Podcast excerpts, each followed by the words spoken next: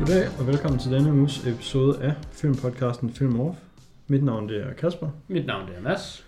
og i dag der er vi over på den anden side af årets Oscar-uddeling og skal snakke lidt om, hvem der har vundet, Ja. øhm, og hvorfor de har vundet, og øh, du, du ved den slags.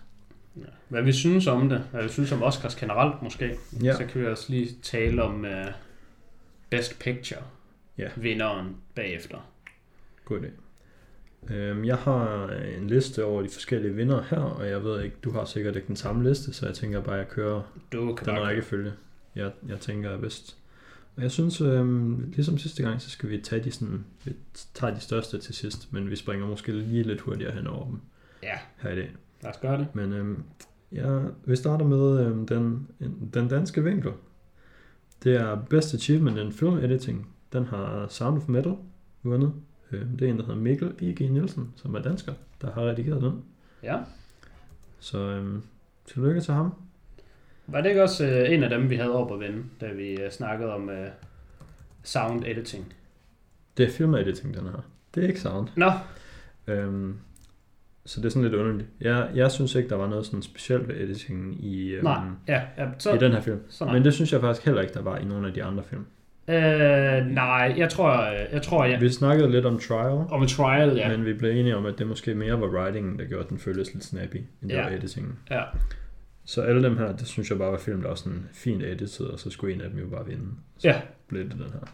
Nu sprang vi faktisk øh, lige direkte på hovedet ind i det, men øhm, der var faktisk en ting, jeg tænkte, vi nok lige skulle snakke om, inden vi faktisk overhovedet gik i gang. Og det er jo bare sådan lige give en opremsning af, hvad Oscars nu lige er, og hvad det går ud på. For der er jo nok mange, der ved, hvad Oscars er, men øhm, jeg tror ikke, at alle ved, hvordan man bliver nomineret. Og den måde, Mm. det fungerer på, det er, at øhm, det er folk inde i øh, akademiet, de har cirka 9.000 medlemmer, øh, spredt hen over sådan diverse øh, poster i øh, Hollywood, så det er sådan noget som skuespillere, og instruktører, og producer og casting agents, alt muligt. Ja, det er folk, der har noget at gøre med filmbranchen, der kan stemme. Yes. Men inden de kan stemme, så skal folk først nomineres. Og der er det kun folk, der er inden for dit felt, der kan nominere dig. Så det vil sige, at Mm. instruktører nominerer andre instruktører.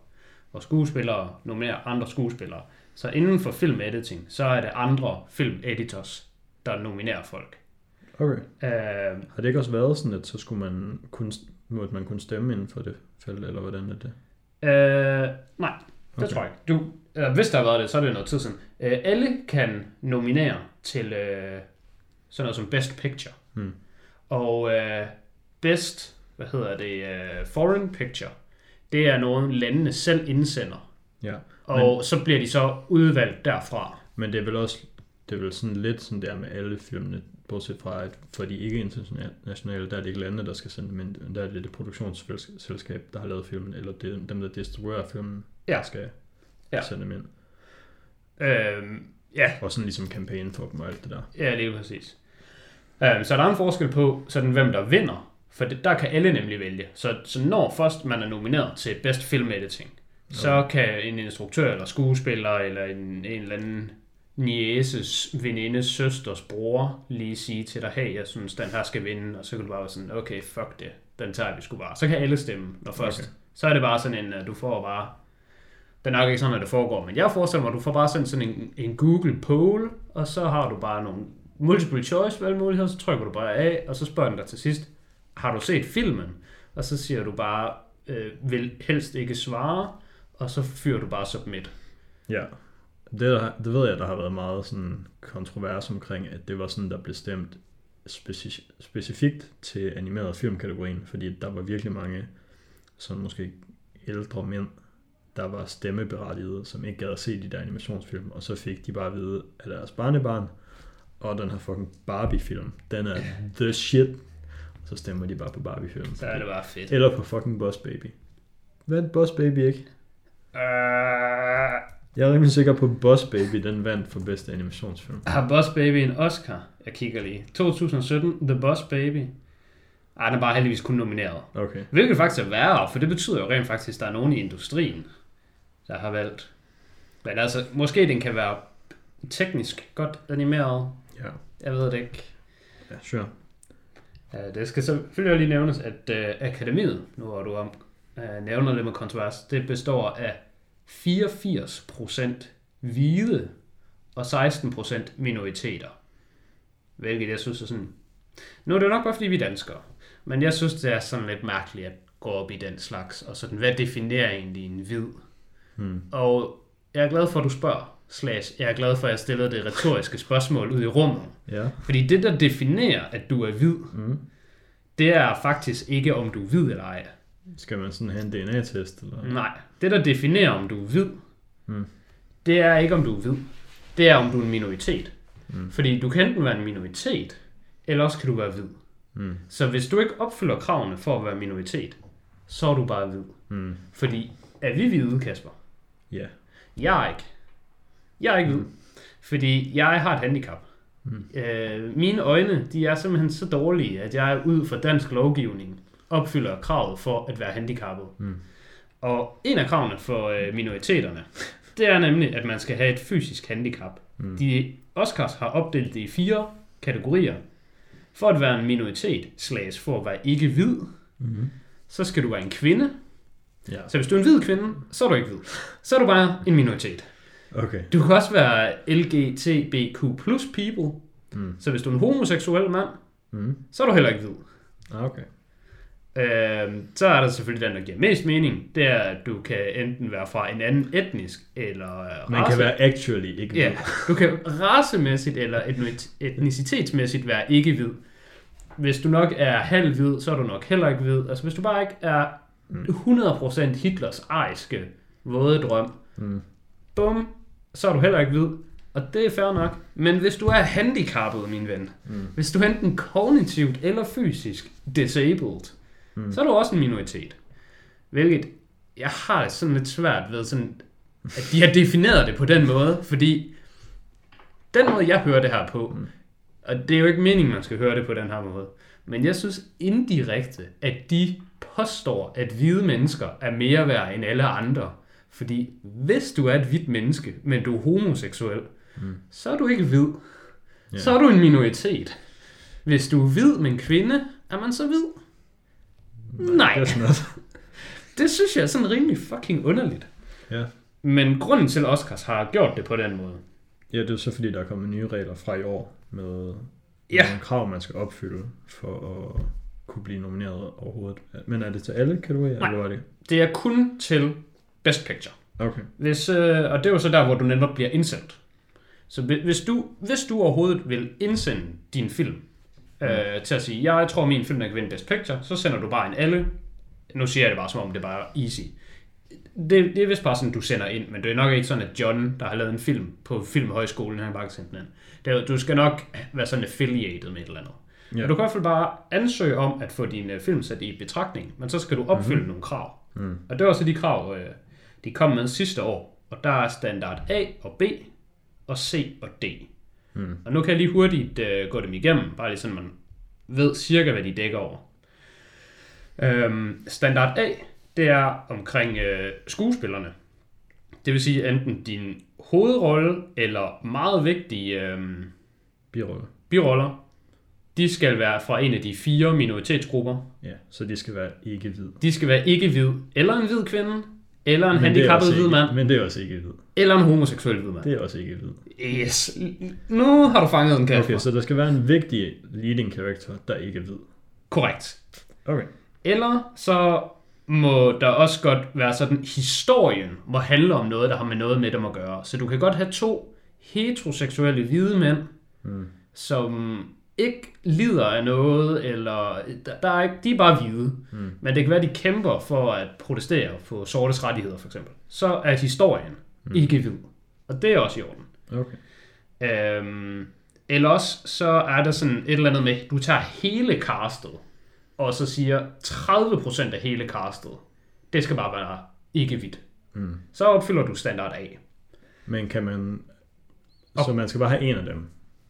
Ja, ja, eller sådan, det, det er de punkter, der dækker standardgruppen A, og sådan, det, du skal ikke have alle tre. Jeg ved ikke, om du kun skal have en. Jeg tror bare, du, du skal være sådan kinda inde der. Okay. Okay. Det kan være, hvis du kun lige sniger op på 30% af castet, så kan det også være, at din historie skal handle lidt om det. Men det kan være, hvis din historie handler 100% om Martin det Luther King. med, det var bare, men kan man godt bare have en sort hovedperson, og så resten af castet er bare hvide? Det vil jeg mene.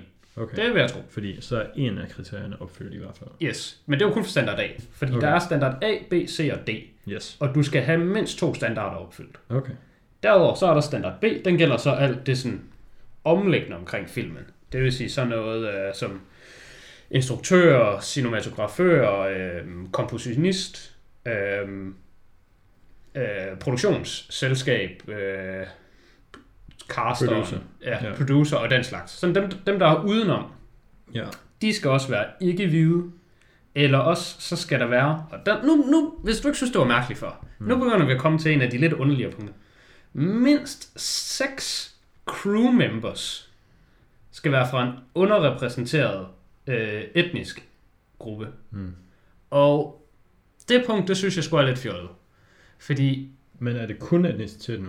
Det- nu, er det, ikke- nu er det ikke nu er det kun etnicitet. non-white. Det er kun etnicitet.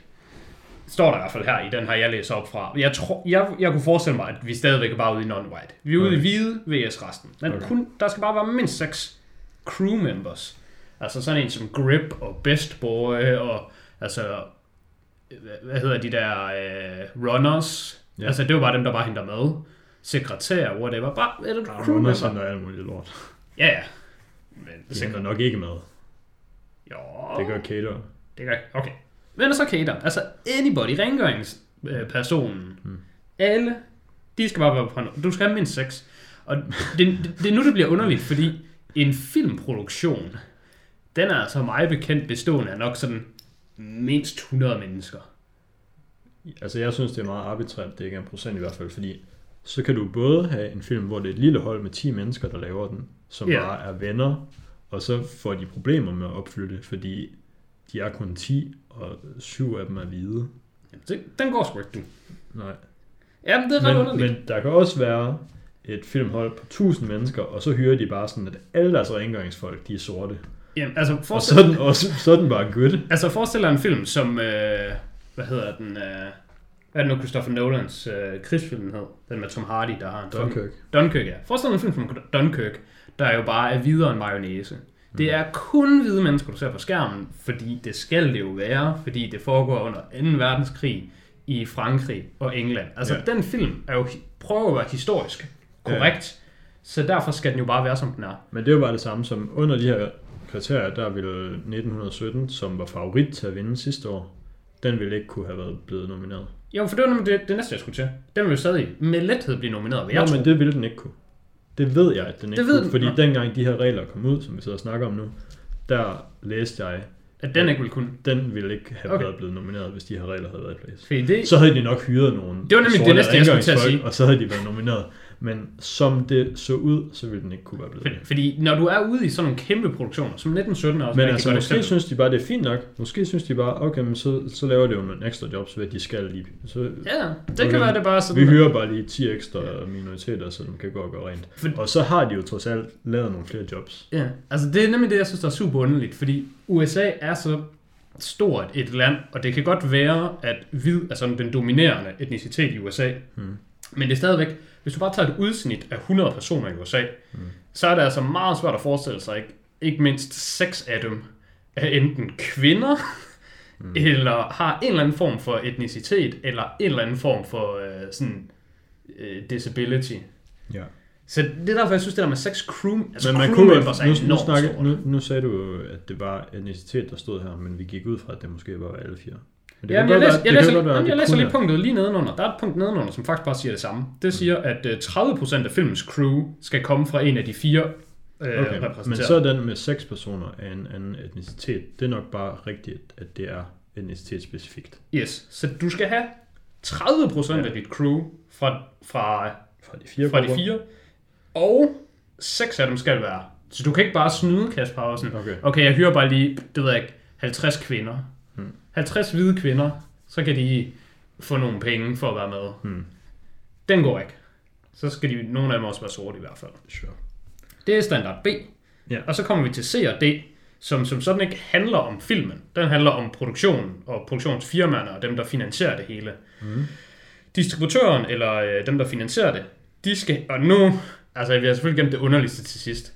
Øh, dem her kendte jeg ikke i forvejen. Jeg kendte kun A og B.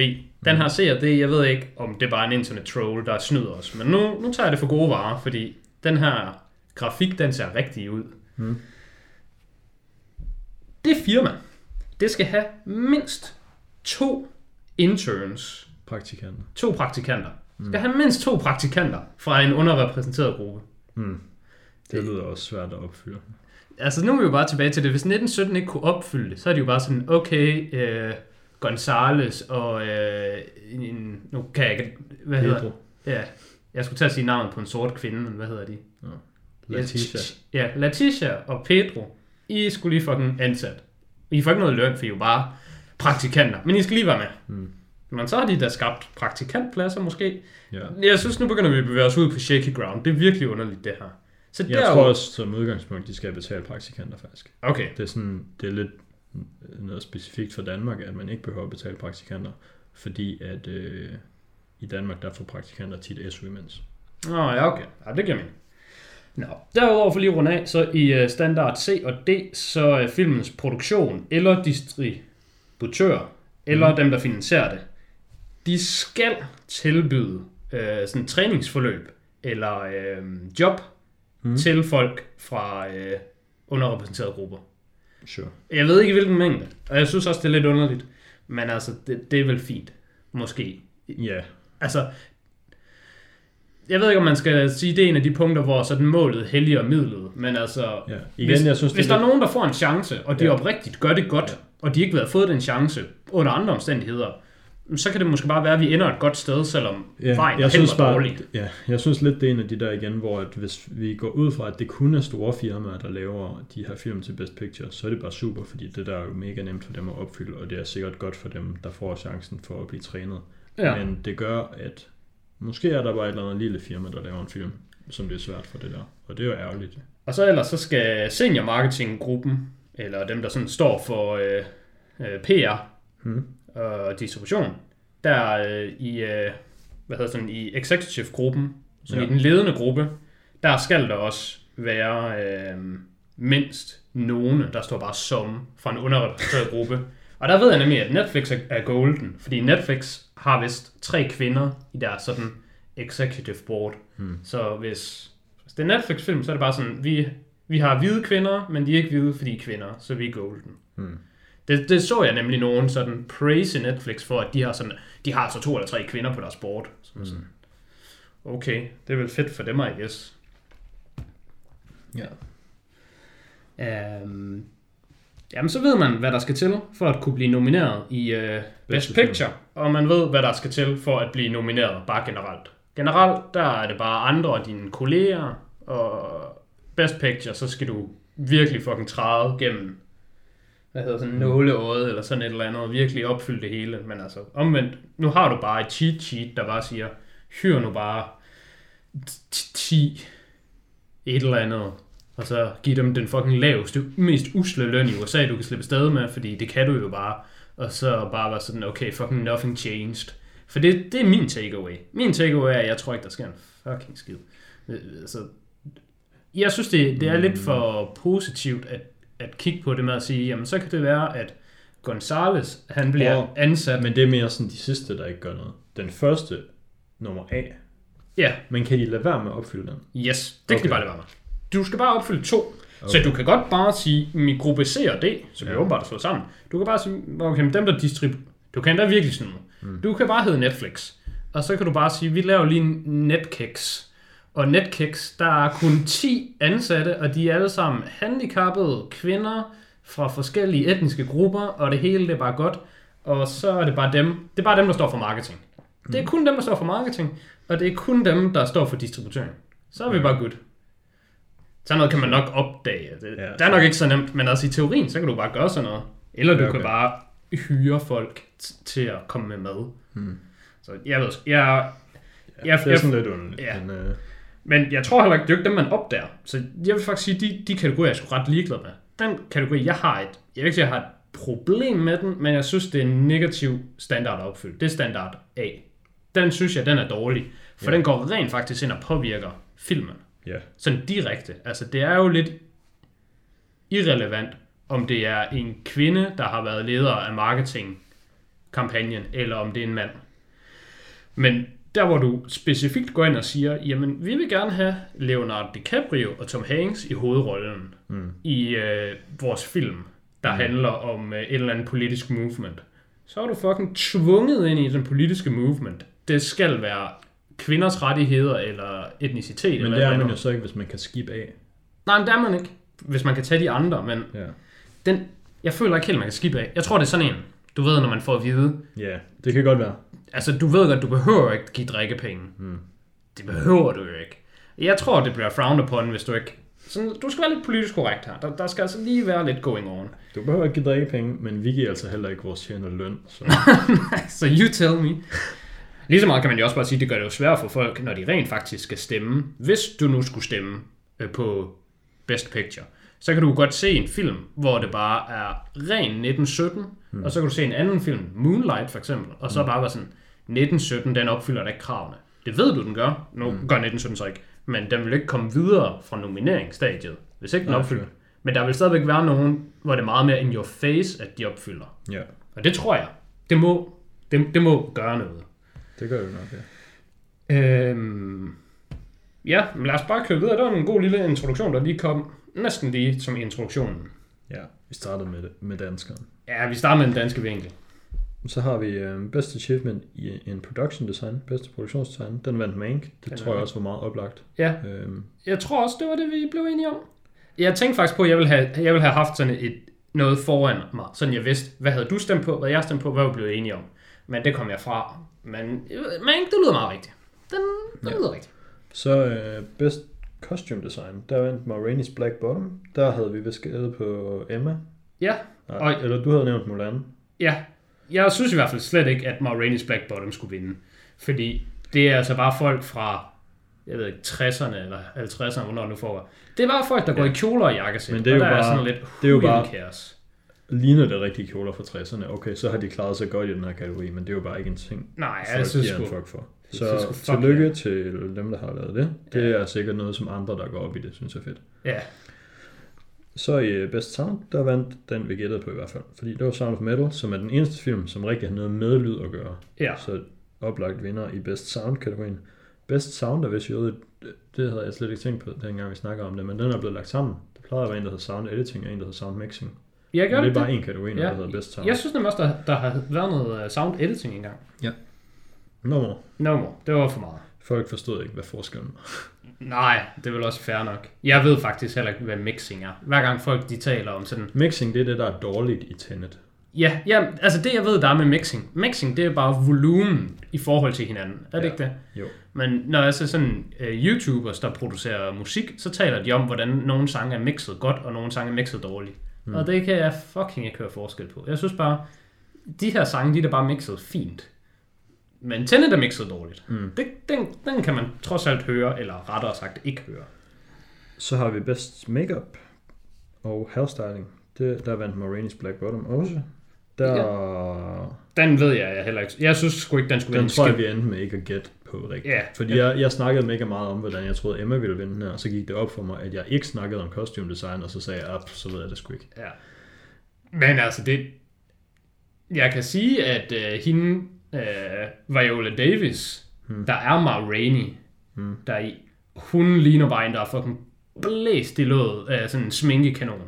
Så det kan jo være, at det bare er godt gået. Men altså, det er totalt... Det ligner, der er en, der har lagt makeup på hende, tværet det ud, lagt et nyt lag og tværet det ud igen. Og så har hun gået i seng med det, og så har hun vågnet op, og så er det filmet. Hun ser bare smadret ud. Sure. Og det er måske meningen, så godt ja. gået. Øhm, Det ved jeg så- ikke, hairstyling ting, eller det, det, det, det er bare ligesom, har Breaking Bad ikke også, nej, jeg ved ikke, om de har vundet en Emmy, men der er der i hvert fald det der klassiske internet-meme, hvor man ser alle mændene for Breaking Bad, som jo alle sammen er skaldet, mm. og så står der i credits sådan, uh, hairstyling uh, guy, og så står der et eller andet navn, og så er man bare sådan, wow, good job, sir. Mm. Det er sådan, jeg generelt ofte har det med den slags film, fordi altså, alle folk i, øh, i, i alle film, føler jeg, de, de har jo bare det hår, de har. Altså, Chadwick Boseman, som er med, han, han har bare hans eget hår. Han møder bare op på set, Og Ja, så, det gør han helt det sikkert gør han så ikke længere nu. Men altså, han, Om det gjorde han helt sikkert heller ikke før. Nej, men det gjorde han heller ikke før, men altså, det ligner, det ligner Ja. bare ikke, at der er gjort noget ud af det. Det ligner Ja, bare, at mændene, de har bare det hår, Der er helt sikkert har. gjort meget ud af det, og få det til at se ud, som om der ikke er gjort noget af det. Ja, det, det, er jo, det er jo kunsten. Mm. Og det har de vundet en Oscar for. Ja. Nå, så kommer vi til øh, bedste soundtrack. Det vandt Soul. Det var Ja. også det, vi havde gættet på. Fordi det synes vi både er godt, Både og det snyder, fordi det har to soundtracks. Ja, Jamen, den, den skulle nok vinde. Så kommer vi til, hvis vi lige skal gøre færdig med musik. Ja, okay. Du har samme rækkefølge. Jeg har samme rækkefølge. Nu har jeg, jeg har i hvert fald lige holdt lidt øje med, med rækkefølge. Ja. Ja. Jamen, uh, det er så uh, Best Achievement in Music Written for Motion Pictures. Ja. Original sang. Ja. Så hvad er bedste originale sang? Ja. Der har jeg opinions. Fordi vinderen er... Vinderen er fucking Judas and the Black Messiah med Hø, som jeg ved... Fuck, Ja, sangen hedder Fight for You. Ja, fuck, fuck det hele. Fuck alt. Fuck lort. Fuck det. Mm. Fuck det, og fuck dem. At Eurovision Song Contest ikke vandt, det er den, det vil jeg næsten sige er årets Oscar-snop. Men det kan godt være, at vi kommer ind i nogle andre, der sådan tangerer deroppe bag. Men det er en fucking 10 ud af 10 Oscar-snop. Det, jeg føler, den er blevet fucking stjålet ud af deres hænder. Fordi jeg har set alle filmene, undtagen The Life Ahead, og jeg kan ikke fortælle dig, hvornår i filmen nogle af sangene kommer, hvad de handler om, hvad de har med filmen at gøre, eller noget som helst. Det er bare sådan, åh, vi skal have en montage, Kasper. Kan du ikke lige fucking tænde radioen? Jo, det gør jeg. Okay, her er en fucking sang. Okay, fedt, fedt for dig. Så kører en bil, mens den her radio kører. Hvorimod i Eurovision Song Contest, der er det en god sang, der er essentiel for hele plottet, og det er næsten den, det hele handler om. Jeg synes, den er på niveau med A Star is Born. At A Star is Born, der, hvad fanden var det, den hed? Remember Me? Nej, det var den anden sang. Det var den fra Coco. Åh oh, ja. Men det hedder også eller der er også sådan der hedder, I remember. Star is Born. Hvad fanden hedder den? Den synes Det jeg også god. A Star is Born. Song. Okay, fint, så Google. Hvad fanden er den hedder? Jeg kan kun... Uh... Shallow. Yes. Ja. Hvad Shallow er for A Star is Born, det er sådan, Husavik er for Eurovision Song Contest. Hmm. Og det er en fucking hån, det her. Og det er rigged. så det var det, jeg lige ville udtrykke. Ja. Jeg har så ikke set Eurovision, så jeg ved det ikke. Det blev snydt. Det blev Men snobt. øhm, altså det har nok noget at gøre med, at dem, der har stemt her, de ikke har lagt så meget vægt på, hvad der sker i filmen, imens sangen spiller. Men bare på, synes de, at den her sang er bedre end den her sang. Hvad med nej? Hvad med, synes de, den her film er bedre end den her film, og så skal den bare have stemmen? For det tror jeg. Det er også. Jeg tror bare, de har været at sige, Judas and the Black Messiah, bum, den skal vinde. Og så har de Mm. bare sagt, Eurovision, den kan ikke vinde en fucking skid. Hvilket er en færre holdning at have, men bare ikke, når vi deler det op på den her måde. Når vi Nej, netop, og den, den her pointe kommer jeg tilbage til.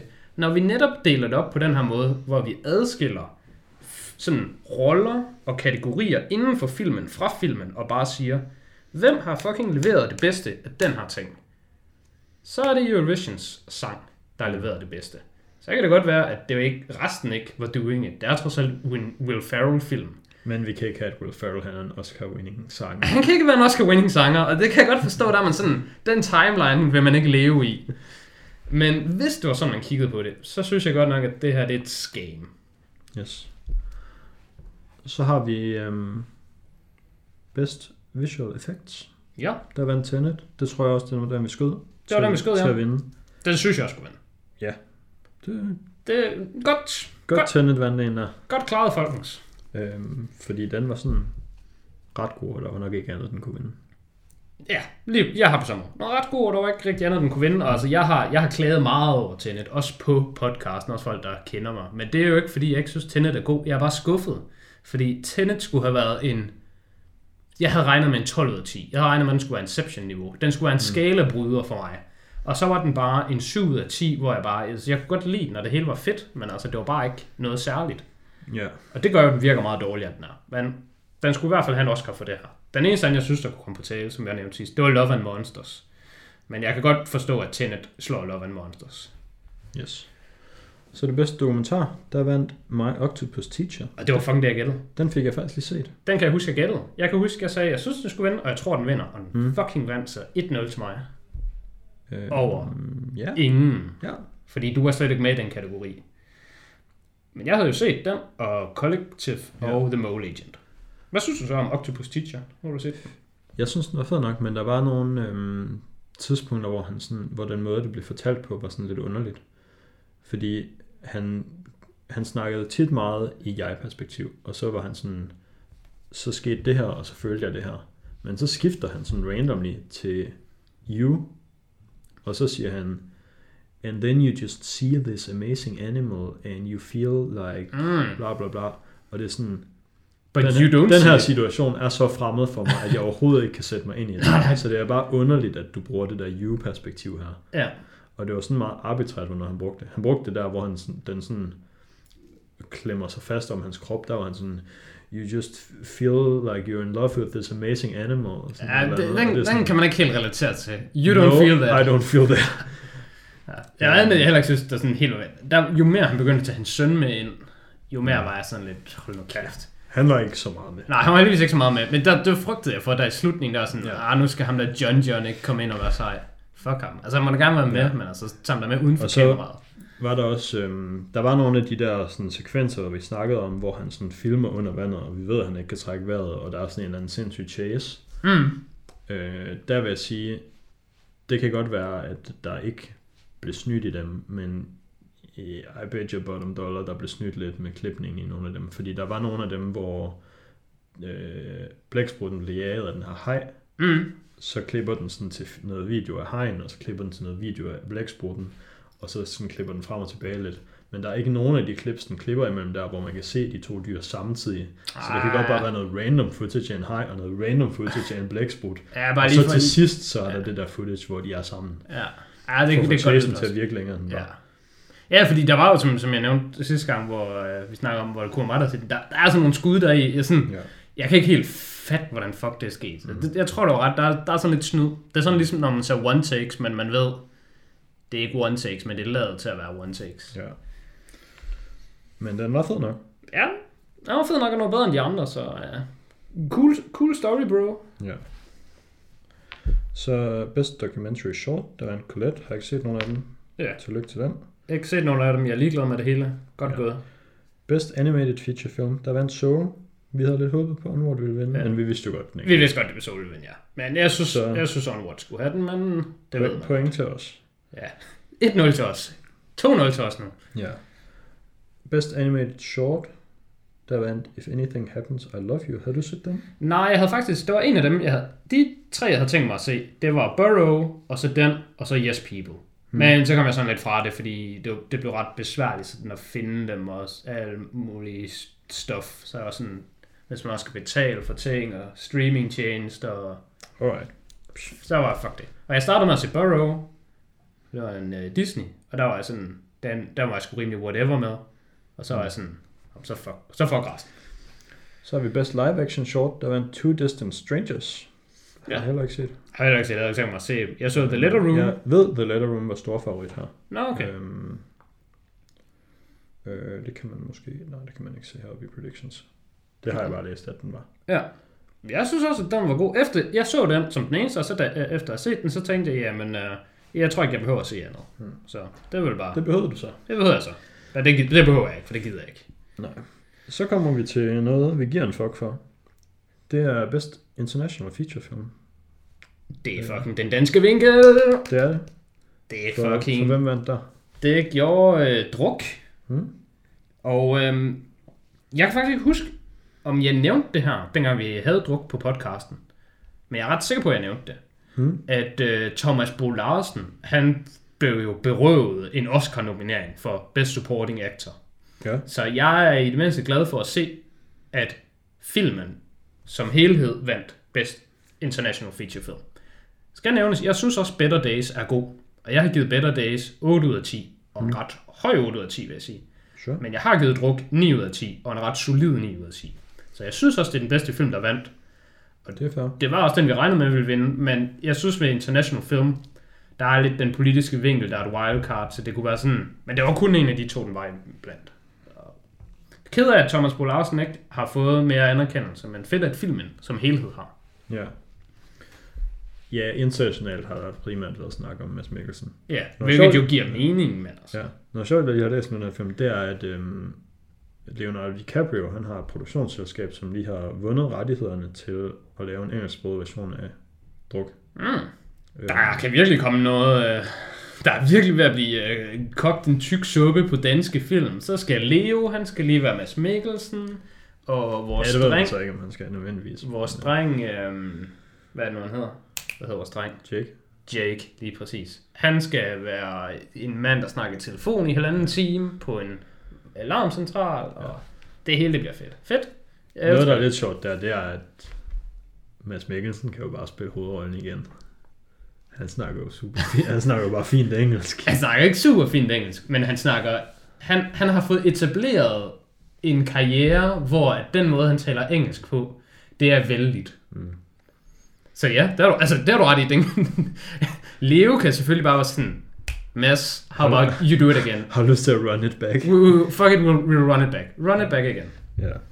Ja, det, det vidste jeg faktisk ikke. Det synes jeg er en cool detalje. Der blev lige duet så lidt trivia ud der til folket. ja. Jamen, jeg tror også først, det blev sådan annonceret i går. måske. Ja, hvad? jeg, jeg kan lide det. Jeg kan lide det. Det er en, det er en nyhed, der, er, der er i orden. Så, Hvor er vi så henne nu? Så kommer vi til The Big Ones, Er vi oppe i den gode? men ikke Best Picture. Den tager vi til sidst. Er vi, er vi vi er rigged? Best Actor, ja. Chad, Chadwick Boseman, han vandt Kasper. Og der kan jeg fortælle dig, at øhm, Chadwick Boseman, han var predicted til at vinde med 47% af folks gæt Ja. øhm, Men det var fordi, at kategorien er rigged. mod andenpladsen, som havde næstflest predictions til at vinde. Det var 25% øhm, til Anthony Hopkins for The Father. Så vidt jeg husker, dengang vi talte den, så tror jeg, at vi blev enige om, at vi bare sagde Chadwick Boseman, fordi han jo snød. Mm. Men at jeg, lige, jeg fik lige kommentaren med på vejen, at jeg synes, at Anthony Hopkins skulle vinde. I, i en verden, hvor Boseman ikke døde, så ville Hopkins vinde. Mm. Men det viser sig, at han bare ville vinde alligevel. Han vandt så. Og det er jo netop det pointe, jeg vil komme tilbage til. Hvis det, det handler om, er, at du tager, du tager den kategori, vi nu engang skal give en pris for, mm. og tager alt, vi tager filmen fra, og vi tager sådan alt i virkeligheden fra, og bare sådan, hvem har simpelthen leveret det bedste stykke arbejde inden for den her kategori, vi vurderer. Ja. Der var der ikke nogen tvivl om, at Anthony Hopkins i The Father, altså det er noget af det bedste sådan, sådan skuespil, Du har set The Father. jeg har set The Father, og jeg synes, den var enormt god. Den var meget mere lighthearted, end hvad jeg havde frygtet. Jeg havde forventet, at det var sådan en rigtig... Øh, hvorfor skal du do me dirty like that? Sådan Schindlers liste, hvor man sidder og sådan... Mm. Ah, den er godt nok god, den her film, men jeg har det ikke godt. Mm. Fordi det, det handler om en, en øh, ældre herre, der lider af Alzheimer's. Og det, det kan godt være et hårdt emne for nogen, ja. og min morfar lider af det lige pt. Sure. Så der var jeg sådan lidt nervøs, men... Altså, det er en seriøs film, men det er også en film... Øh, altså, han, han er rigtig øh, underholdende der, Anthony Hopkins. Han er sådan... Mit highlight i filmen, det er sådan en... Jeg kan for sådan spoil for meget, men det, der siger han noget til en anden person. Og så går det op for ham, at ups, det skulle jeg ikke have fortalt ham. Og så står han bare sådan, ah, upsi daisy, whoops, shouldn't have said that, ups, upsi daisy, whoopsie daisy. Sådan står han bare og kører i ring. Mm. Og det han sagde var sådan noget totalt ligegyldigt. Han fortalte bare den anden person noget, han allerede vidste. Han var bare sådan, hey Kasper, vidste du godt, at din ekskone, hun er sammen med en ny mand? Og så er du bare sådan, øh, jeg har ikke en ekskone, fordi jeg er gift med din datter lige pt. Og så siger Anthony Hopkins, ej nej, ej, du er ikke gift med hende, og hun har fundet en ny mand. Mm. Men du er den nye mand, hun har fundet, og så står han bare, whoopsie daisy. Jeg synes, det er en fucking sjov scene. Ja. Den synes jeg, den var Oscar worthy lige der, den scene. Jamen, jeg har også hørt, at han skulle være god i den. Ja, det, jeg synes, han er rigtig god deri, og det skal bare lige, Øhm. for at give ham endnu mere praise, jeg er ikke en Anthony Hopkins fan. Jeg vil ikke gå så langt sige, at jeg er en Anthony Hopkins hater.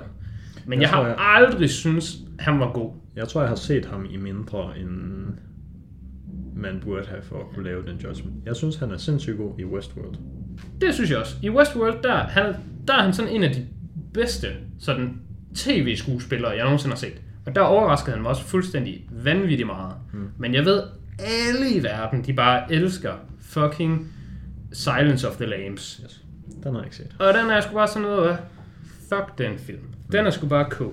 Og så har jeg sågar også set The Elephant Man, som også bare skulle være sådan en, wow man, forresten Kasper, vidste du godt, at det var den bedste film i hele verden, faktisk. Det viser faktisk, at den her film var den bedste film nogensinde lavet, fordi det er jo, det er jo David Lynch, og han er den, ah, jeg skulle lige sætte lyve. Jeg skulle lige sige, at David Lynch er den bedste instruktør for all time.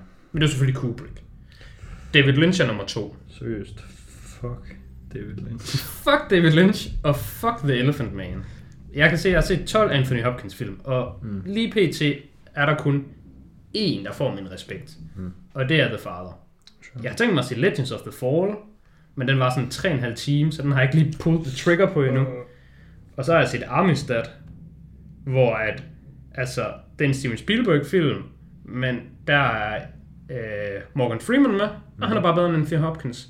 Så er Matthew McConaughey med, og han er bare bedre. Mm. Og så er Jimon Honsui med, og det er ham fra... Øh, er det ham fra Blood Diamond?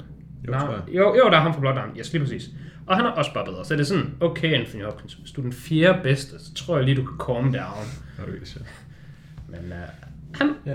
han er sgu god nok. Så det er Øhm, velfortjent. min kæreste, hun så øh, Oscar-uddelingen live, Ja. og jeg vil næsten... Nej, okay, måske er det ikke noget, de har sagt der. Men hun fortalte mig i hvert fald det her. Nå, det er nok fordi, når man ser det på dansk tv, så er der bare sådan nogle kommentatorer, der snakker over. Ja. Øhm, Det lyder Men- plausibelt. af folk, der er blevet nomineret efter deres død, der er der otte, der er blevet nomineret. Vi så otte fingre. Yes. Øh, og det er kun to af dem, der har vundet. Nå, okay.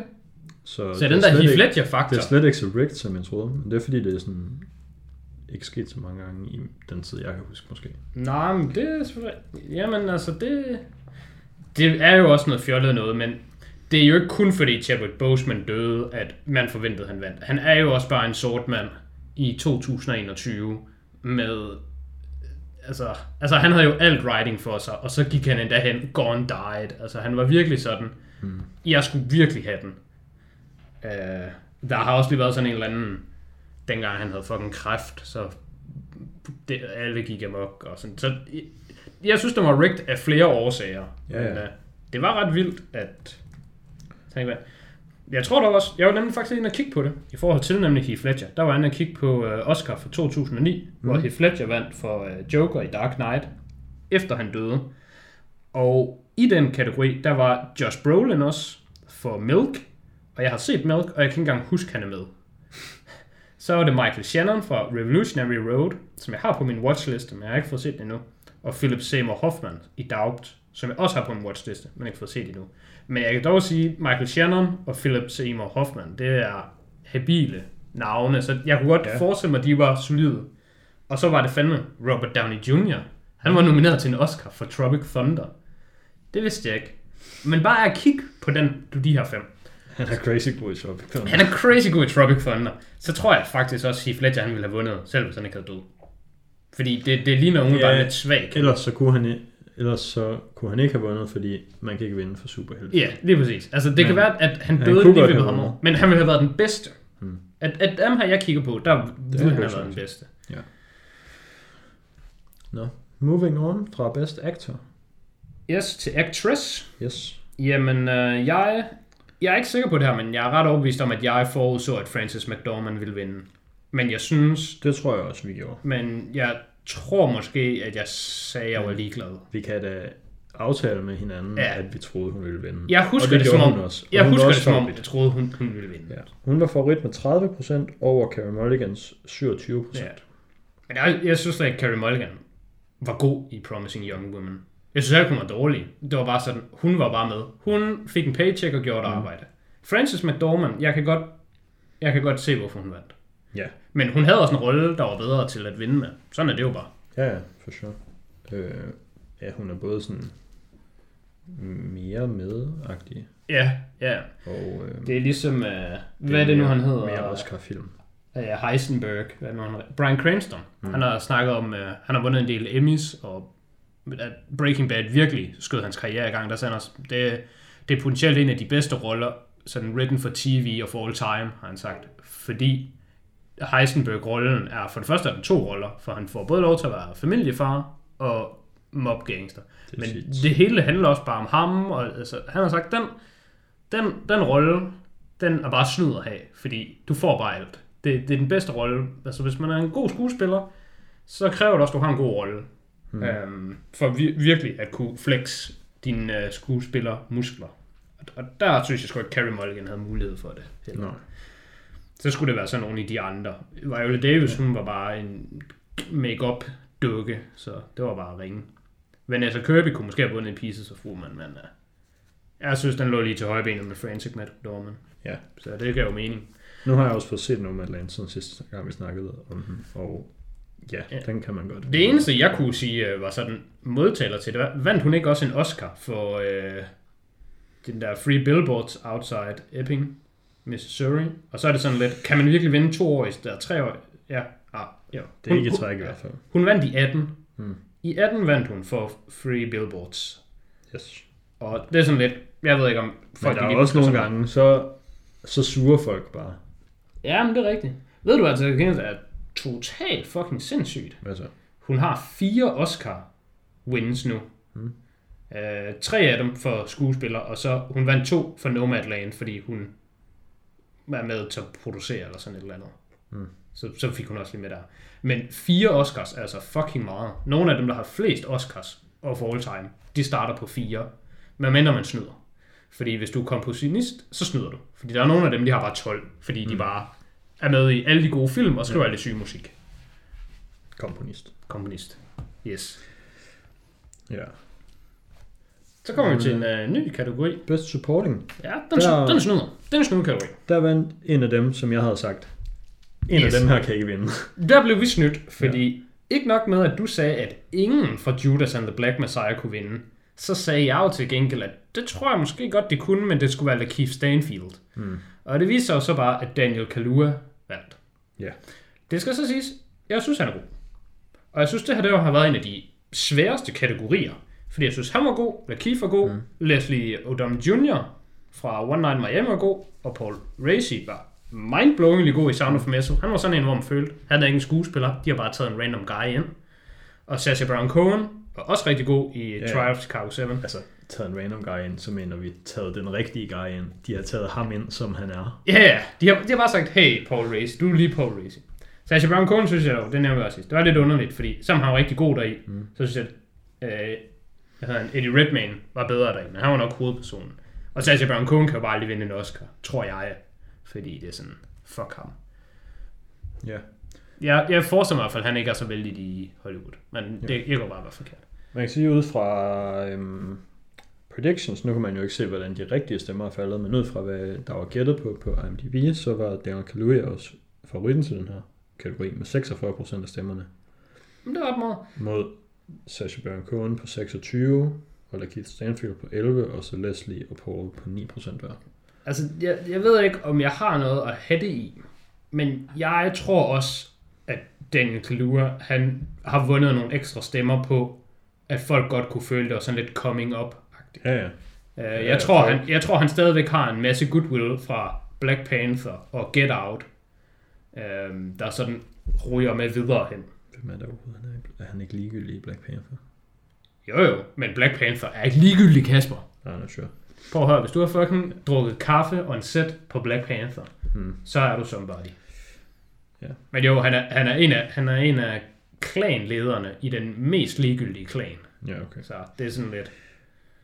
Jeg synes øh, også Get Out er lidt overrated. Get Out synes jeg bare var fin. Ej, den er faktisk ret, den er faktisk ret god, var det du mente. Den er faktisk bare rigtig god. Mm, Du skal ikke disrespect Key and Peele. Og det er Synes den du, ene den af er dem. rigtig god? Jeg synes oprigtigt, den er rigtig god. Okay. Jeg tror, jeg har enten givet den 8 eller 9 ud af 10. Og jeg synes øhm, også, er en af de bedste dårlige film, jeg nogensinde har set. Og jeg hader den ikke er bedre, end den er.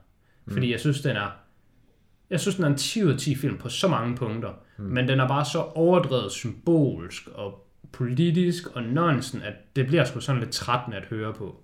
Men den har godt nok virkelig bare mange 10 ud af 10 ting for sig going on. Det var virkelig en skuffelse for mig. For jeg elskede, jeg elskede den og havde den. Men Get Out elskede jeg bare. Nu synes jeg bare. Mm. Yes. Actress. Ja, Best Supporting Actress. Yes. Der vandt øh, Yoon Yoo-young, Ja. som er bedstemoren i Minari. Det var også hende, du var lidt lun på. Du var lidt over på hende. Jeg tror, vi blev enige om, at vi snakkede sammen om, at det skulle være Amanda uh, Seyfried. Ja, jeg vil, du må gerne give mig credit for at have været på bedstemoren, men det tror jeg ikke, jeg Tror jeg, nej, jeg, synes, jeg, synes, jeg synes, du sådan, var sådan lidt, sådan lidt, lad os sige sådan 80-20-agtig. 80 på Amanda, 20 på hende. Det tror jeg.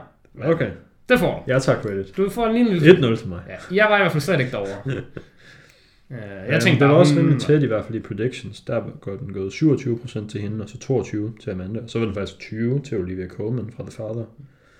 Jeg tænkte bare, at Amanda ville få, bare fordi det var sådan, at Mank skal have et eller andet pis, og det kunne være, det var hende, der fik den i Mank. Ja, den vandt jo så produktionsdesign. Åh oh, ja, det er rigtigt. Jamen, så er det den, man kan få. Ja. Så er selvfølgelig Maria Bakalova, som kunne få færrest stemmer givetvis. Ja, men im- imponerende nok blive nomineret. Ja, Men altså, hun gjorde det også godt. ja så- det var fint. Altså, hun, det var da bare, ja, fint for hende. Sy, sygt nok, hun kunne bare gå igennem livet nu og bare være sådan, jeg er bare Oscar nomineret. Ja, det var sådan den første film, hun er med i, tror jeg. Det er rimelig sygt. Ja, jeg kan se hendes filmografi, ja. Der er nogle andre film, men det... Jeg fanden? tror, det er sådan noget bulgarisk lort eller sådan noget. Altså, det er ikke... Ja, det er jeg skulle sige, der står, også, der står også, hun har været med i The Father, men det er så The Father fra 2019, der hedder Bas Tata. Så jeg, jeg tror, du har ret. Det er meget sygt. Ved du, om der også blev nomineret til en Oscar i sin første film? Nej. Det gjorde din dreng. Edward fucking Norton. Det er din dreng. Han er fucking alles dreng. Nu skal du ikke være sådan der. Jeg tror måske endda, han vandt. Jeg kan ikke særlig godt lide Edward Norton. Jo, du elsker ham, Kasper. Alle elsker Edward Norton. Altså, jeg synes, han er Marvel. god i Fight Club og American History X. Han vandt ikke. Selvfølgelig, fordi jeg ikke Ja. er mongol. Ja, det var godt. Han vandt ikke Øhm. for uh, Primal 4. Han var nomineret. Men jeg... Men du har heller ikke set Primal 4. Nej, nej. Og den er nødderne. Men så ved jeg også bare, at han er frygtelig at arbejde sammen med, det trækker sådan lidt ned for mig, når jeg ser ham. Men jeg siger ikke, det er klart eller sådan forsvarligt, at han er frygtelig. Men han blev nomineret til en Oscar, og jeg tror, han var stor favorit. Mm. Øhm, for den første film, han nogensinde var med i. Det, det kan altså godt stige folk til hovedet. Ja, yeah, sure. Og han vandt en øh, audition, der var sådan på nogen 2000. Det var bare sådan en ren Harry Potter audition. Og det var en film, der var make it or break it på hans karakter. Mm. Og det var sådan nogen som Leonardo DiCaprio og sådan nogen, der blev der var over på vinden. Mm. Og så var det fucking Edward Norton, der bare lige kom ud af bumfuck nowhere og bare var sådan, jeg er den sygeste i verden. Det er rimelig sygt. Ja, det er rimelig sygt. Så det, Det kan godt, sygt. det kan godt stige folk til hovedet. Og efter sine har han altså også haft rigtig meget med American History X at gøre. Ja, ja, sure. Altså, Men det er jo bare det samme, som måske har gjort den god, der gør, at han er lort at arbejde sammen med på andre film. Det er, at når han er skuespiller i en film, så siger han bare til instruktøren, jeg synes faktisk, at den her film skal være på den her måde. Ja, ja, ja. Og det, det ved jeg, at det har ødelagt lidt hans karriere for ham. Eller i hvert fald afsporet den lidt. Så kommer vi til the big one. Er det den store? Best Picture. Du vil ikke lige tage directing? Eller screenplay? Ah, de kommer bagefter, hva'? Nej, Skal vi tage big one? Nej, nej, nej. Du har sagt big one. Vi tager ikke big one. jeg troede, det var den. Jeg troede, vi var færdige. Vi skal lige tage directing. Best Director. Den, var jeg, den kan jeg huske, vi nemlig snakkede om, og sådan, who even knows, det kan gå til fucking hvem som helst. Vi ser bare Thomas Winterberg, bare for at give ham et skud. Jeg regnede ikke med, at han Altså, ville vinde. Det, det sagde vi vist også, vi ikke regnede med. Ja, men han skulle have et skud. Ja. At Vi Chloe regnede til Zhao- gengæld med David Fincher, Ja, men men at Chloe vandt, det giver fin mening for mig, og det vil jeg hellere have. Fordi jeg vil ikke have David Fincher vandt. Hvis jeg skulle vælge, hvem der skulle vinde, så er jeg lidt ligeglad. Hvis jeg skulle vælge, hvem der ikke skulle vinde, så skulle David Fincher ikke vinde. Han er den eneste, jeg vil pege på at sige, Mm. du må ikke vinde. Fordi du må lave en bedre film, du. han skal ikke valideres Nej. i hans øh, valg af at lave Lige en præcis. lortefilm. Det skal han nemlig ikke. Han skal bare have at vide. Ja. Gå tilbage til at lave det, du var Ja. i gang med at lave før. Og at Chloe vandt for Nomadland, no high feelings. Ja. Godt gået. Det har så ikke noget at gøre med, at hun vandt der, men det ville jeg have nævnt tidligere, men noget, hun, noget der var sjovt ved hende, det var, at hun også var nomineret til Best Editing, fordi hun har både instrueret og editet Nomadland. Ja, det er ret cool. Det er vist også noget med, at øh, Best Picture og Best Instruktør, det er rigtig ofte, de bliver valgt sammen. Ja. Det, det, jeg kan, nu kan jeg ikke lige huske procent, det var faktisk mere, jeg kiggede på det, men det er noget med sådan, lad os bare sige, nu finder jeg på et tal, der lyder højt, 70 procent af tiden. Men det giver jo også mening, fordi instruktøren er bare den, der har mest indflydelse Ja, lige på, præcis. hvordan en film ender med at være. Ja. Så hvis man er god til at instruere sin film, så bliver filmen måske også god. Lige præcis, så det giver jeg god mening. Ja. Så bedste screenplay, det var Promising Young Woman. Elsker det. Elsker det. Super fint. Det er det bedste, der kunne ske. Det er den bedste Oscar, der er givet. Hvis, ja. hvis det ikke var sket, så var det virkelig fucking tyveri ved højlys dag. At- Ja, At den, nå, altså, ja. ikke, ikke fordi den skulle vinde den, ja. men hvis, det, det, der er bedst ved den film, det er dens writing, vil jeg sige. ja, Så men, men den range, jeg skulle til at starte mm. på, det er, at hvis Husevik ikke kan fucking vinde original sang, Mm. og Promising Young Woman ikke kan vinde original screenplay, så dem, der fucking sidder i Hollywood og trykker på knapper, de, de ved ikke, hvad god originalitet er. Mm. Men i det mindste, så reddet den her den. Så det er jeg meget glad for. yes. Sådan. Nu kan vi ikke, nu kan bedst- vi ikke den her. Adapted screenplay. Det var den, du mente, ikke? Ah, for helvede. Den vandt The Father, og det synes jeg er lidt underligt, men det er bare K. Hvis jeg, skulle, hvis jeg skulle vælge, havde jeg valgt White Tiger, for jeg synes, den var fed og nice og god. Hmm. Og jeg synes ikke, The Father virker som et adapted screenplay. Jeg synes bare, den virker som Anthony Hopkins er nice i halvanden time. Hvilket faktisk også er nice ved The Father. Det er en kortfilm. Hmm. Det er ikke en kortfilm, men det er en kort mellemrumfilm. Sure. Og der er faktisk en kategori mere, du har glemt, kan jeg se. For helvede. Ja. Bedste Okay. cinematografi, Mank vandt. Tja. den er ikke. Det var også det, jeg havde givet på. Ja. Det, det jeg ved ikke, om jeg synes, kan den havde fortjent Det det, men jeg godt synes heller ikke, den ikke havde fortjent det. Og det er også Altså, altså, hvis- Erik Messerschmidt. Hvis der man går op i det, som den film gør, så gør den det godt. Ja, men det synes jeg, alle gør der i. Så det er sådan en, det er en, det er en hård kategori. Mm. Altså Nomadland har også god cinematografi. Judas Black Messiah, mm, Ja. don't really care. Men det, den kunne altså også gå til de andre. Yes. Men fint, fint med Mank. Nu er det tid, Kasper. Nu er det tid. Nu er det fucking tid. Nu kan vi, vente. nu kan vi ikke vente længere. Bedste film for 2021. Og det er den længste Oscar-sæson nogensinde.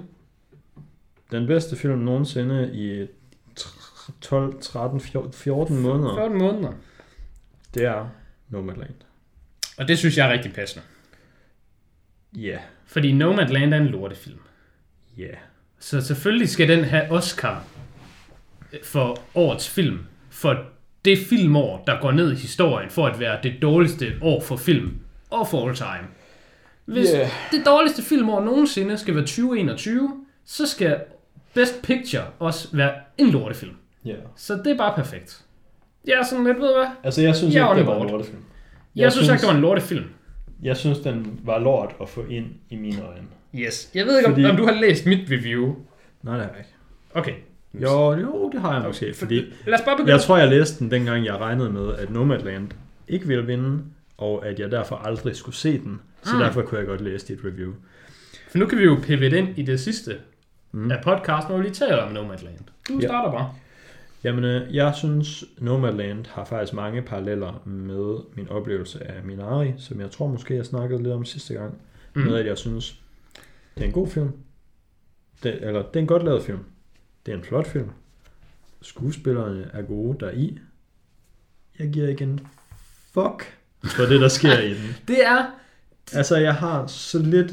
Øh, Ja, ja. en- det, det, subject matteret i filmen interesserer mig så lidt, at det var sådan... Jamen, jeg er ikke engang neutral om det. Jeg, jeg er negativ omkring det. Jeg er ikke engang, jeg er ikke engang sådan, at, sådan, at det, der foregår, det bare er neutralt. Jeg har aktivt noget imod det, der foregår deri. For det, den handler om, det er bare en boomerfilm. For sådan en plus 60-årig kvinde i USA, der bare sådan, åh, jeg er bare sådan en gammel amerikaner, der bare lever lorteliv og arbejder for Amazon, og jeg kan ikke få tingene til at hænge sammen, og jeg tager hen til min søster en gang imellem, som bare har et nice liv. Så fuck dig, søster, fordi...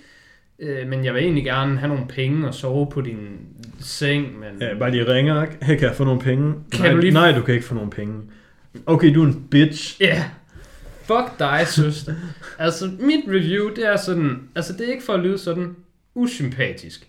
Men ærligt talt, så kunne jeg ikke give mindre fucks for et emne, end jeg gør for den her. Jeg nævnte det også med øh, dokumentarfilmen, den der The Collective, der jo handlede om en ildebrand, der skete i et diskotek, hvor der ikke var nogen øh, ordentlig sådan udgange, så der var en masse mennesker, der sådan blev brændt og døde. Og endnu værre, så var der rigtig mange, der kom til skade. og så kommer de på hospitalet, og så fordi der er så meget underslæb i hospitalsbranchen dernede, så døde de alle sammen bare dernede, fordi firmaet, de sagde, det her øh, desinfektionsmiddel, du får, mm. det virker. Og det turns out, at det bare var vand. Så det, de døde bare af bakterieinfektion. Men altså, det var bare noget, der skete i Rumænien, så I don't care. Men det er selvfølgelig synd for dem, det skete. I Nomadland, I don't care, og det er ikke engang synd for dem, det sker. Jeg er bare sådan, ved du hvad? Hvis du er fucking Nej, fordi jeg bo synes- ude i ja. ødemarken og være nar, så kan du tage derud sammen med de andre og Ja. være nar sammen med dem. Fordi jeg synes endda, at hovedpersonen tager dårlige beslutninger. Korrekt. En ting er at være i en dårlig situation, og så viser man bare, okay, men den her person er i den her dårlige situation, hvordan prøver personen at komme ud af det? But no. Den her hovedperson tager kontinuerligt beslutninger, der gør, at hendes livssituation fortsætter med at være lort. Nej, du skal tænke på, Kasper, det var fordi det er så hårdt, ikke? og det er bare sådan, "Nå, jeg ved ikke, hvad jeg skal gøre, det er bare sådan, "Nå, jeg ved ikke. Det er sådan, jeg synes, Hun filmen bliver kommer. tilbudt af mange omgange at komme ind og få et sted at sove, få noget at spise. Prøv at høre. She don't need no man. Hun er independent. Bortset fra, når hun lige skal over have penge. Både når sådan, nej, prøv at jeg vil gerne men så fuck dig, søster. Ja, det er sygt langt. Ved, Nomadland føles nogle gange som den diametrale modsætning af en rigtig god film. Øh, hvad hedder den? Øh, Ode to, my, Ode to my Father, som jeg har snakket om før. Hvor der har vi en person, der bliver sat i nogle dårlige situationer og har nogle suboptimale valgmuligheder, men fucking power through livet som en fucking goddamn champion, og bare er for nice. Og så har du Nomadland, hvor du har Boomer Karen i USA, der bare sådan, om det gør nok træls for mig, at jeg skal fucking skide i en spand, men altså, øh, jeg ved ikke, hvad jeg skulle gøre. Og det er bare sådan, hvad med, at du tog dig sammen? Hvad med, at du bare tog dig sammen gennem hele dit liv? Ja. og tog imod hjælp. Der er ikke, der er ikke nogen straf i at tage imod hjælp. Yeah. Hvis du er fucking ude af skide, quite literally, som hun jo er i filmen, så kan du bare tage imod hjælp. Det eneste high point i den her film, det synes jeg er karakteren Dave, og ham, der spiller Dave. Ham kan jeg godt lide. Ja, det siger Øh, mig også et eller andet. Jeg tror faktisk også, øh, jeg lige kan huske ham der Dave. Hvem er det det er? Altså, det er bare ham, der er sådan en love interest. Ja, det er ham, der, der, der vil sådan hjælpe hende ud til sidst, er det ikke det? Jo, Så var sådan, du kan sgu da bare bo i mit hus. skaffer hende arbejde, Ja. skaffer hende sted at bo, men det gider hun heller ikke. Så skal hun bare op til den der lorteby og kigge ud på marken, og jeg ved snart ikke hvad. Jeg har det på samme måde med hende i Nomadland, som jeg har det med hjemløse i Danmark. Fuck dig. Altså, hvis du er hjemløs i Danmark, så er det dit valg.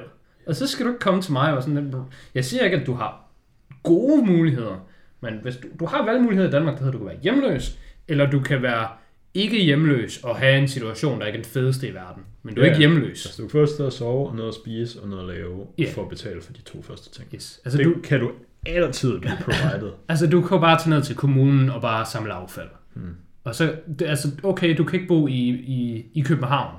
Så kan det godt være, hvis du bor i København, så må du bo på gaden og være hjemløs. Men du kan fucking ryge til udkants Danmark og slå græs og, og, og sådan nogle ting. Det kan du bare gøre. Og så når du har gjort det i noget tid, så kan du rebuild your life. Mm.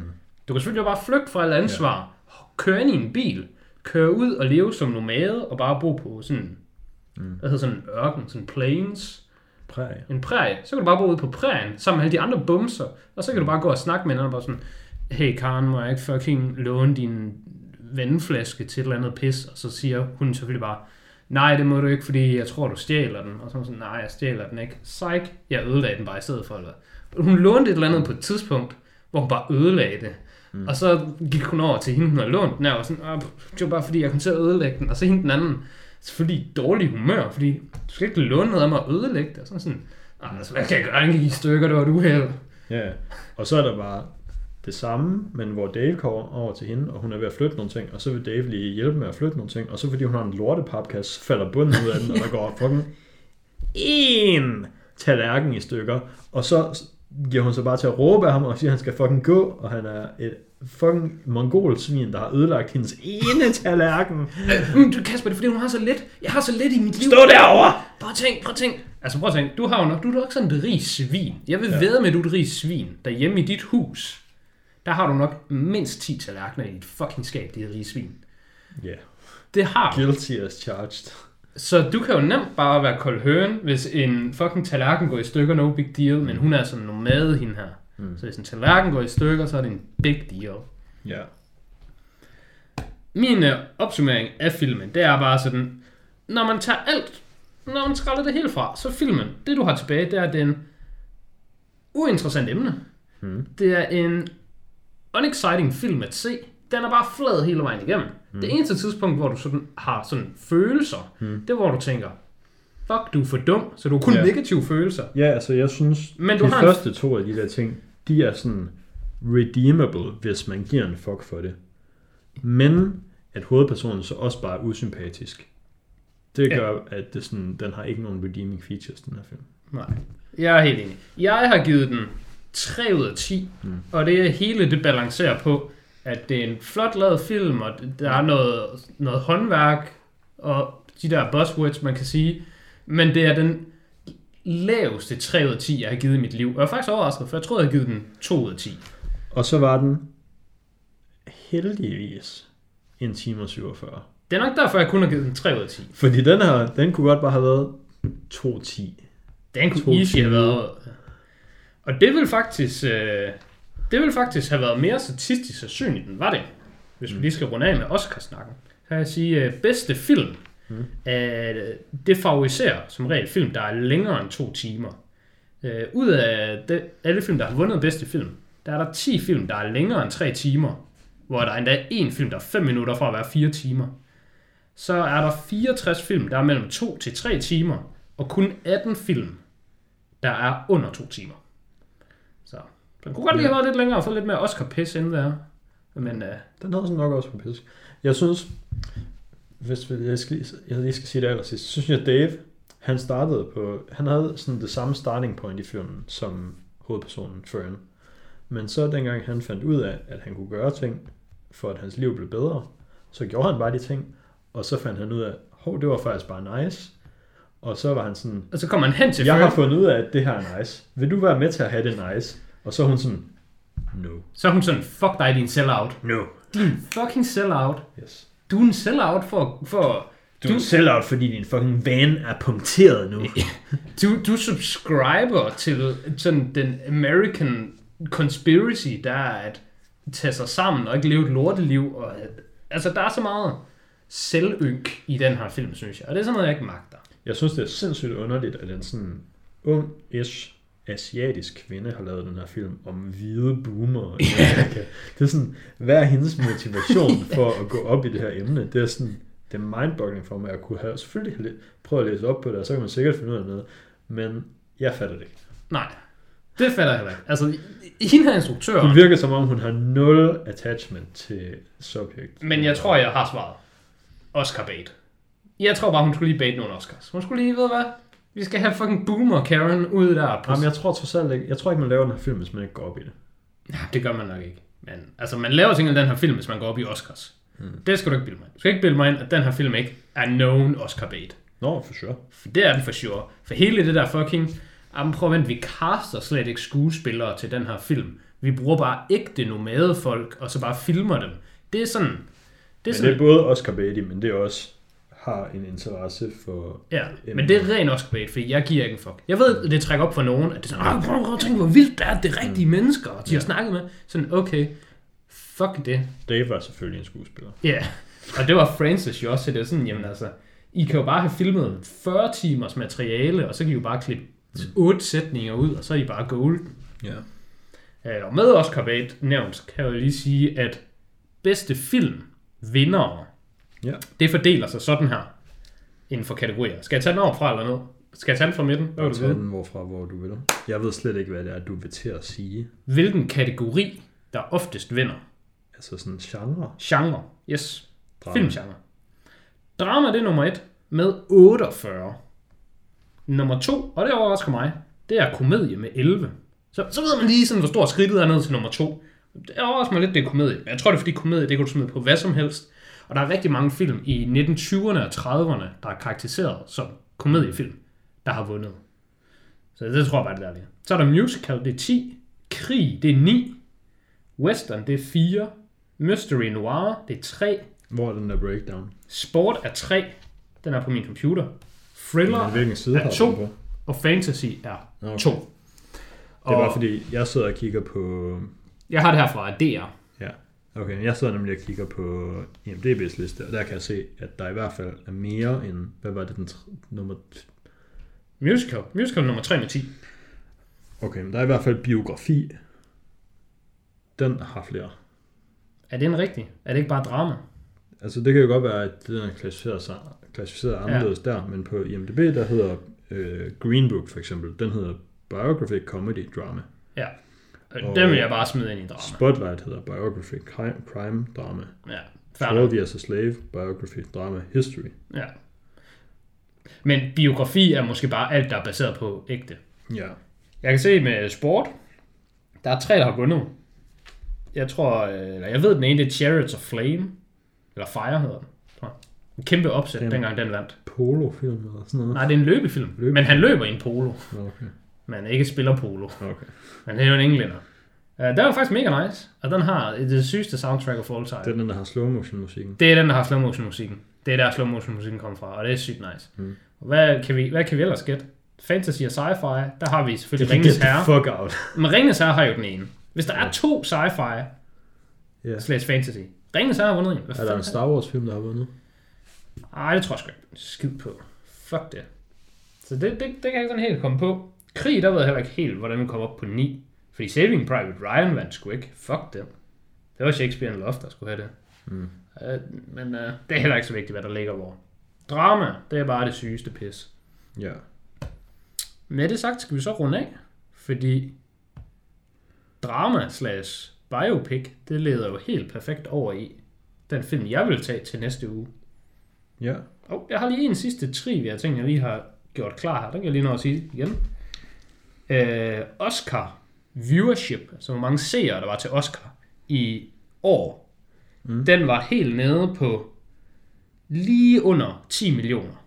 Den var sådan noget 9,1 eller andet millioner viewers.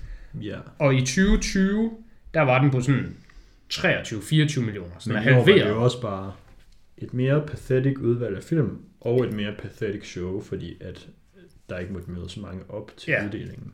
Fordi jeg har nemlig læst lidt om på nettet, at folk sådan, Oscar er dødt, og Oscar er døende, og det er en steady decline og sådan noget. Og som jeg sidder og kigger på det, så synes jeg ikke rigtigt, det er en steady decline. Altså jo, 18 og 19 og 20 ligger der lidt lavere end nogle af de andre steder, men det ja, ligner bare... Det bedste år var 98 med, øh, 1998 med sådan 57 millioner Ja. viewers. Men der har også været mange, der så det i fucking 61, så det er ikke, det er ikke sådan, at den bare er steget, for der kommer flere mennesker. Ja, ja. Der bor jo flere mennesker i USA i dag, end der gjorde i 60'erne. Men er det amerikanske serietal, det der? Det er amerikansk seertal. Øhm, der er faktisk, der er ikke øhm, sådan generelt af tv-kanaler i Amerika, de er meget mindre, end du forestiller dig. Det er jo fordi, Det er der er så meget konkurrence. Ja, ja, og så er der også bare kanaler, som ikke er i alle stater og sådan noget. Men Ah, ah, okay. nogle af de sådan, nogle af de allermest sete tv-programmer i USA har måske sådan, altså sådan, altså sådan til daglig, der er selvfølgelig nogle Ja. specielle events. Er det sådan noget 20 millioner over? For Nej, mindre end det. Mindre end det? Altså sådan 5 millioner. Det er fucking lidt. Ja. Det er sat med sindssygt. Hvor sådan, okay, hvis der lige er en fucking god dag på det, det er, så er de næsten pushing. Ja, så er det vel pushing 2 eller sådan noget. Ja, ja. Øh, ja, interessant. Men jeg vil bare sige, det der Fordi sådan, der var- ramachan, der har været med Oscar døende, det tror jeg sgu ikke på. Mm. Jeg tror bare, det har været et dårligt år, og næste år, der har den jo bare mange flere viewers, og så kan der være nyheder om, uh, wow, det hele er godt. Nu vil du til at lede ind i... Øhm, Men vi skulle tage Hvad? næste gang. nej, men du vil, altså du vil til at lede straight ind i, hvad for en film du vil vælge næste Ja. gang. Så jeg synes lige, vi skal starte med at sige, hvad emnet er. Okay. Emnet er øh, en film, der har vundet Best Picture. Alright. Og jeg vælger Kongens Store Tale, tror jeg den hedder. King's Speech. The King's Speech. Den så jeg i biografen, dengang den udkom, og jeg var enormt imponeret. Jeg kan Mm. huske, at jeg tog ind og så, så den, fordi jeg bare arbejdede i biografen, og det var bare gratis, og jeg kunne da lige så godt bare se den, og Mm. øh, whatever. Og jeg, jeg var sådan kind of flawed. Jeg kan huske, jeg synes, den var mega god. Med det sagt, så kan jeg se, at jeg kun har givet den 8 ud af 10, og jeg husker den sindssygt meget bedre end det. Så der jeg kunne godt tænke mig at rewatch den. Jeg kan se, der er også der er nogle film, som jeg kunne være tilbøjelig til at have valgt her, hvis ikke det var, fordi vi alle allerede havde snakket om dem på podcastet. Ja, ja på samme måde. Der er Ja, faktisk allerede nogen, der har været inde der. The Departed er en banger, Titanic har vi næsten lige haft. Schindlers Liste vil være rimelig, rimelig easy shoe ind til sådan Ja, en kategori. Parasite. Øhm, men jeg har valgt, at jeg gerne vil se øhm, Gladiator fra 2000, tror jeg. Yes. Yes, det skulle været lidt tid siden. Folk ved godt, hvad Gladiator er for en film. Det er Russell Crowe, dreng. Og der er fucking uh, Joaquin Phoenix om med. Ja. Det glæder mig til at se. glæder mig til at se den, hvor man lige ved, hvem folk er. Ja. Øhm, det er faktisk... Det er så... Året efter var um, Russell Crowe også hovedpersonen i den film, der blev nomineret til bedste film. Så der har han lige haft et par... Ja. Der har han nok også haft nogle bedste actor nomineringer. Jeg ved faktisk ikke, om han har vundet for nogle af dem. Nej, hvad med, er han ikke også nomineret for Cinderella Man, tror jeg også, han er doing lidt på. Det skal jeg ikke... Hvilket jeg synes er en af hans bedste sige. film. Fordi jeg har faktisk ret lav på Russell Han har vundet en Oscar. For... Han vandt for A Beautiful Mind. Ja. Og han var også nomineret... Nej, det er løgn. Han vandt for Gladiator, og han var nomineret for Beautiful Mind. Hmm. Øh, han var nomineret for Cinderella Man også. Nej, ikke til Oscars. Der var han nomineret til en Golden Globe. Ja, okay. Men det bliver Gladiator, vi skal se. Det er også meget lang tid siden, jeg har set den, og jeg husker den som... Det er bare sådan en god film. Ja, jeg husker den som en god film, men jeg ved, at folk elsker den. Men på, ja, ja, på rewatch kan den... Kan, den altså kan sådan- gå begge veje. Ja, præcis. Film, Gladiator- film, som man har set for 20 år. 20 år siden, måske 10 år siden, 15 år siden. Den kan virkelig gå veje. Jeg har måske været lige ung nok til at skulle se Gladiator, da jeg var 8. Jeg tror, at det er sådan en 15 år siden, jeg har set den cirka. Ja. Ja, jeg har nok set den også lige der omkring, da min far synes, jeg var ved at være gammel nok til at se R-rated film, så det har Ja. nok da, været, da jeg var 12-13. Det, det er også det, jeg sætter mig selv til. Jeg tror, jeg har været en 12-13. øhm, Der kan folk lige få og det der, husker, der er. husker den som god. Ja, jeg tror, vi har været, os, vi har været inde på Ja, os alder. Det man så skal huske på, det er jo, at jeg, jeg husker den også som god, men hvis man har set den dengang, så har man været meget mere impressionable, end man Ja. er i dag. Hvis du har set en film som 12-årig, og dem du så den med bare synes, den var god, og folk, altså det er derfor, det er jo det, vi nogle gange taler om, at folk de bare sådan, wow, den her film, der var godt nok ikke særlig god, 6 ud af 10. Wow, den her film, der var egentlig faktisk pisse fucking fed, 7 ud af 10. Og det er det eneste folk, de bevæger sig indenfor. Hmm. Det tror jeg, det har meget at gøre med den der sådan, mangel på kritisk overvejelse, og med at se tingene i perspektiv. Folk Ja, det er jo både det med, at man tænker god, dårlig, og så går man ind og ser, hvilken rating den har på IMDb, og så kan man lægge den på den ene eller den anden side af det. Yes. Så hvis den her film, Den har 7,7. Gladiator, jeg ved ikke, hvad den har. Vi lader som om, den har 7,7. Så ja, går du så hvis man på synes, den er dårlig, 7, god, 8. den. Yes. Hvad så, hvis den har 6,7? Så er det 6 7. Så er det, det er lige præcis, det er præcis som min opfattelse af IMDb's stemmer, de nemlig er. Men Og sad to say, så var der en gang, hvor jeg gjorde sådan kind af det samme. Gladiator har så til gengæld 8,5. Jamen, jeg ved godt, den ligger højt. Jeg tror, jeg vil have gættet på 8,2. Den er IMDb's top rated nummer 40. Ej, det er, det er solidt. Det er solidt. Det må vi se, om øh, den, den kan leve op til. Det er i hvert fald store sko at fylde. Ja. Men øh, det var det for den her uge. Og lidt på tapetet til næste gang. Yes. Så vil vi bare sige tak, fordi I lyttede med. Og øh, vi vender tilbage.